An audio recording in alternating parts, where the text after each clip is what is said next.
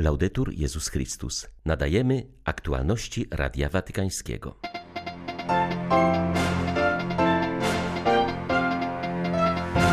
Watykan wspiera światowe wysiłki na rzecz walki z głodem. W Rzymie dobiega końca międzynarodowe spotkanie na temat dystrybucji wyżywienia.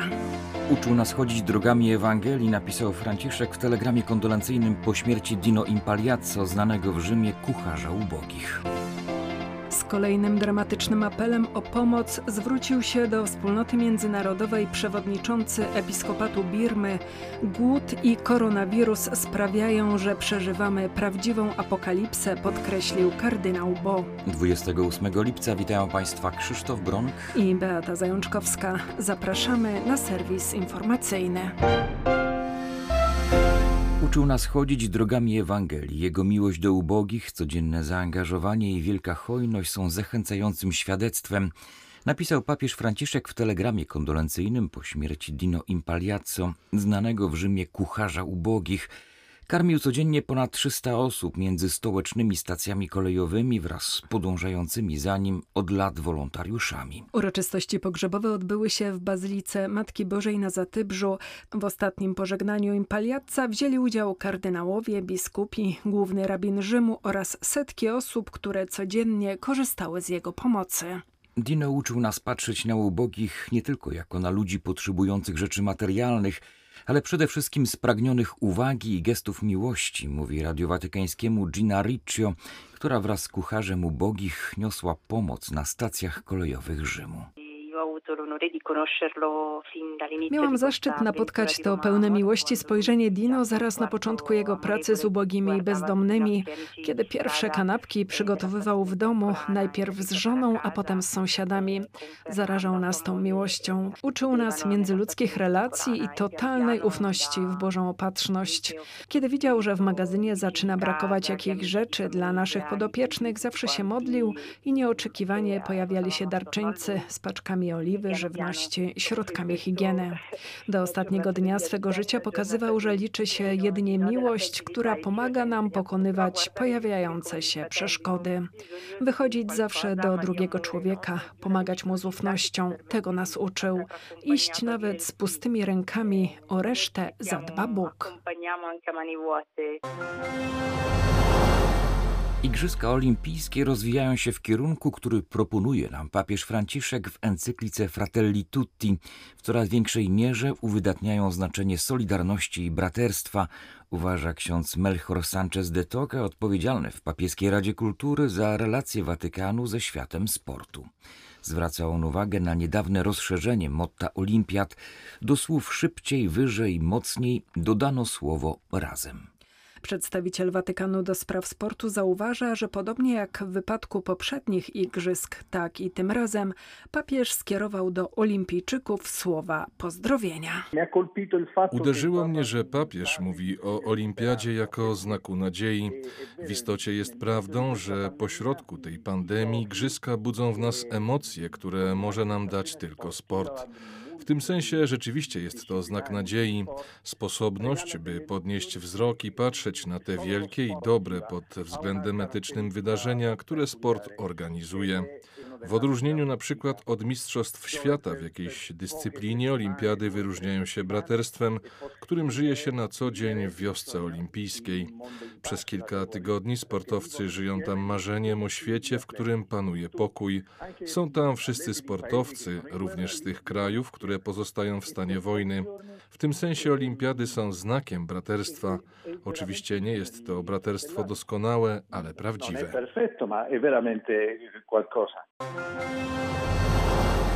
Jednym z kluczowych elementów globalnej walki z głodem jest dowartościowanie rolników małorolnych. Trzeba im tylko pomóc, aby byli bardziej odporni na zmiany klimatyczne i kryzysy. To jeden z głównych wniosków skończącego się dziś w Rzymie trzydniowego spotkania przed jesiennym ONZ-owskim szczytem o wyżywieniu. O wsparcie dla rodzimych systemów żywnościowych zabiegał m.in. pochodzący z Gany prefekt watykańskiej dykasterii do spraw integralnego rozwoju człowieka. Jego zdaniem tylko w ten sposób będzie można zwiększyć światową produkcję żywności o 50%, aby zapewnić dostawy dla ponad 9 miliardów ludzi, którzy do 2050 roku mają żyć na Ziemi. Na potrzebę dowartościowania lokalnych systemów produkcji żywności wskazuje też wiceprezes Międzynarodowego Funduszu Rozwoju Rolnictwa. Trzeba uodpornić ten system na kryzysy i zmiany klimatyczne, mówi Dominik Ziller. Drobni rolnicy pokazują nam, że wszystko można zrobić inaczej. Wiedzą, jak zmaksymalizować plony ze swojej ziemi bez jej degradacji. Częściowo dlatego, że wiedza ta była przekazywana w ich rodzinach od wieków i z reguły działają bez chemii. Wiedzą, jak produkować żywność i to zdrową żywność w sposób naturalny, bez zanieczyszczania gleby, bez generowania zanieczyszczeń chemicznych. Jeśli chodzi o zmiany klimatyczne, to z pewnością należy zauważyć, że w dużej mierze są one również skutkiem konsumpcji mięsa. Uważam jednak, że konsumenci na całym świecie są wezwani do zapewnienia, aby zrównoważona dieta była nie tylko zdrowa dla nich, ale również zgodna z globalną ochroną klimatu. Tunezyjczycy z wielką nadzieją patrzą na zachodzące w ich kraju zmiany polityczne. Wspierają nowego prezydenta i jego decyzje, wierząc, że wyprowadzi ich kraj z kryzysu, który wydawał się bez wyjścia. Wskazuje na to katolicki arcybiskup Tunisu, podkreślając, że mieszkańcy tego północnoafrykańskiego kraju pragną przede wszystkim odzyskać nadzieję na lepszą przyszłość. Arcybiskup Ilario Antoniaci wskazuje, że przez całą pandemię kraj ten nie miał ministra zdrowia. Ludzie chcą normalnie żyć, dlatego zainicjowali swą małą rewolucję, wychodząc na ulicę i domagając się podstawowych praw, mówi Radiu Watykańskiemu arcybiskup Tunisu. Trzeba pomóc temu narodowi przede wszystkim odzyskać nadzieję. Kiedy widzę Tunezyjczyków uciekających łodziami w kierunku Lampeduzy, myślę, że nie uchodzą przed wojną i głodem, ale przede wszystkim właśnie przed brakiem przyszłości, której nie widzą a pandemia z pewnością znacznie pogorszyła i tak już trudną sytuację. Szpitale są pełne, brak tlenu spowodował wiele zgonów. Tysiące ludzi straciło pracę, a teraz jest jeszcze gorzej, ponieważ wprowadzona godzina policyjna uniemożliwia wiele prac, które wykonuje się nocą. Tu jest naprawdę wielu ludzi, którzy mogą zjeść posiłek tylko wówczas, kiedy pracują. Brak pracy oznacza głód. Wszyscy czekają na rozwój obecnej sytuacji z wielką nadzieją. Z kolejnym dramatycznym apelem o pomoc zwrócił się do wspólnoty międzynarodowej przewodniczący episkopatu Birmy.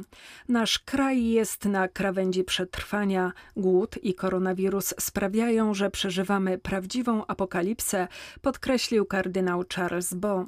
W kraju brakuje żywności i lekarstw, a działania hunty wojskowej uniemożliwiają niesienie jakiejkolwiek skutecznej pomocy. ONZ-owskie organizacje humanitarne starające się nieść wsparcie w tym kraju alarmują, że prawie 4 milionom Birmańczyków śmierć głodowa zagląda w oczy.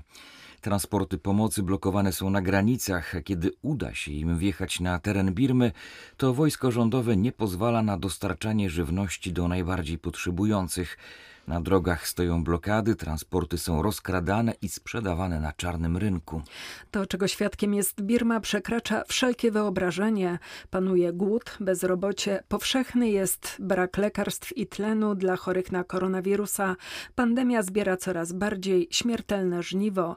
W tym dramatycznym tonie obecną sytuację w tym azjatyckim kraju opisuje kardynał Bo. Hierarcha kolejny raz prosi pozostającą przy władzy huntę wojskową, by zezwoliła na prowadzenie działań humanitarnych. Wskazuje, że w przeciwnym wypadku każdego dnia odbywać się będą kolejne pogrzeby ofiar głodu i pandemii. Mniejszość religijna w Pakistanie odniosła niezwykle rzadkie w tym kraju zwycięstwo w walce z procederem przymusowych małżeństw i konwersji kobiet na islam. Po pół roku walki o wolność do domu wróciła właśnie Rena Megwar, pakistańska hinduistka, uprowadzona i przymusowo wydana za mąż za muzułmanina. Mężczyzna, który zmusił ją do małżeństwa, użył sfałszowanych dokumentów, z których wynikało, że jest ona muzułmanką. Władze prowincji nakazały policji przeprowadzenie dochodzenia w tej sprawie dopiero po opublikowaniu w mediach społecznościowych filmu przedstawiającego ofiarę błagającą o pomoc. Nagranie pokazuje przerażoną dziewczynę, która płacząc przyznaje, że mężczyzna, który ją porwał, zagroził, że jeśli komukolwiek opowie o tym, co się wydarzyło, zabije jej braci i rodziców. Działania policji okazały się skuteczne. Funkcjonariusze dotarli do dziewczyny i doprowadzili ją do sądu, który następnie przekazał ją rodzicom. Cztery osoby zostały aresztowane.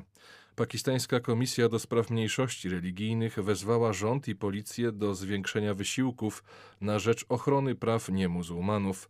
Porywanie przez muzułmanów nieletnich kobiet, głównie chrześcijanek i hinduistek, i zmuszanie ich siłą do przejścia na islam pozostaje w Pakistanie wciąż powszechnym procederem.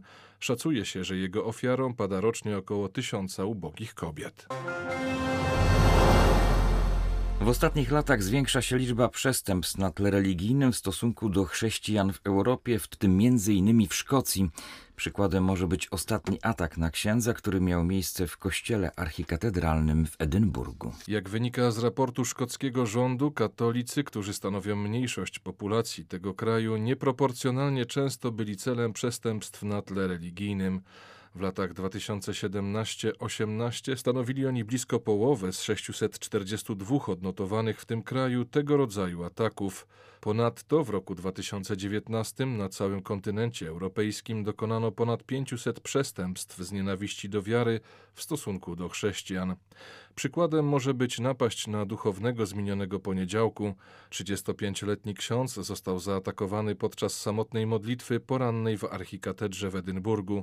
Napastnik zbiegł z miejsca zdarzenia.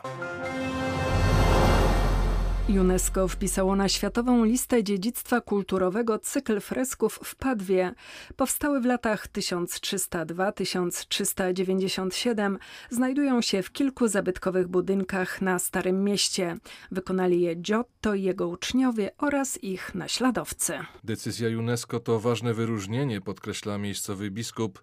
Mam nadzieję, że zwiedzający potrafią odczytać w tych dziełach również świadectwo wiary, dodaje biskup Claudio Cipolla. Zainicjowany przez Giotta cykl fresków przenosi sztukę malarską do nowej epoki. Zdaniem Umberta Eco to właśnie przed tymi freskami najłatwiej można się przekonać, że średniowiecze to epoka światła. Giotto, a za nim jego uczniowie wprowadzają perspektywę, przedstawionym postaciom nadają indywidualny charakter, wyrażają ich emocje. Freski Giotta w kaplicy Skrowenich można zwiedzać również w formie wirtualnej. Pamięć Polaków, Ukraińców i Czechów, którzy podczas II wojny światowej ratowali prześladowanych przez niemieckich nazistów Żydów, postanowiły utrwalić na Ukrainie zakonnice ze zgromadzenia sióstr franciszkanek rodziny Maryi. W Samborze koło Lwowa zorganizowały salę spotkań i pamięci, która ma być miejscem modlitwy, dialogu i edukacji. Pomysł zorganizowania miejsca pamięci poświęconego tym, którzy podczas II wojny światowej ratowali Żydów, był efektem spotkań i rozmów, jakie z mieszkańcami tego 35-tysięcznego miasta przeprowadziła w ciągu ostatnich kilku lat pracująca w Samborze siostra Elżbieta Ślęb. Otwarcie sali pamięci to był już ostatni moment, kiedy świadectwa ludzi pamiętających tamte czasy można było utrwalić od zapomnienia. Dla samej siostry impulsem była postawa siostry Celiny Kędzierskiej, która podczas okupacji niemieckiej prowadziła w mieście ochronkę. Dzięki jej odwadze zostało uratowanych dziesięcioro dzieci żydowskich, kilkoro niemowląt i troje dzieci cygańskich. Tutaj możemy wszystkich zaprosić, każdemu możemy coś przekazać. Siostra Elżbieta Ślęb. Przynajmniej w dwóch językach mamy tablicę, po polsku i po ukraińsku. Po angielsku jeszcze dodatkowo mamy też folder. Pragnieniem siostry Elżbiety jest to, aby Sala Pamięci w Samborze stała się inspiracją do podobnych działań w innych miastach. Z Ukrainy dla Radia Watykańskiego ksiądz Mariusz Krawiec, Paulista. Były to aktualności Radia Watykańskiego. Laudetur Jezus Chrystus.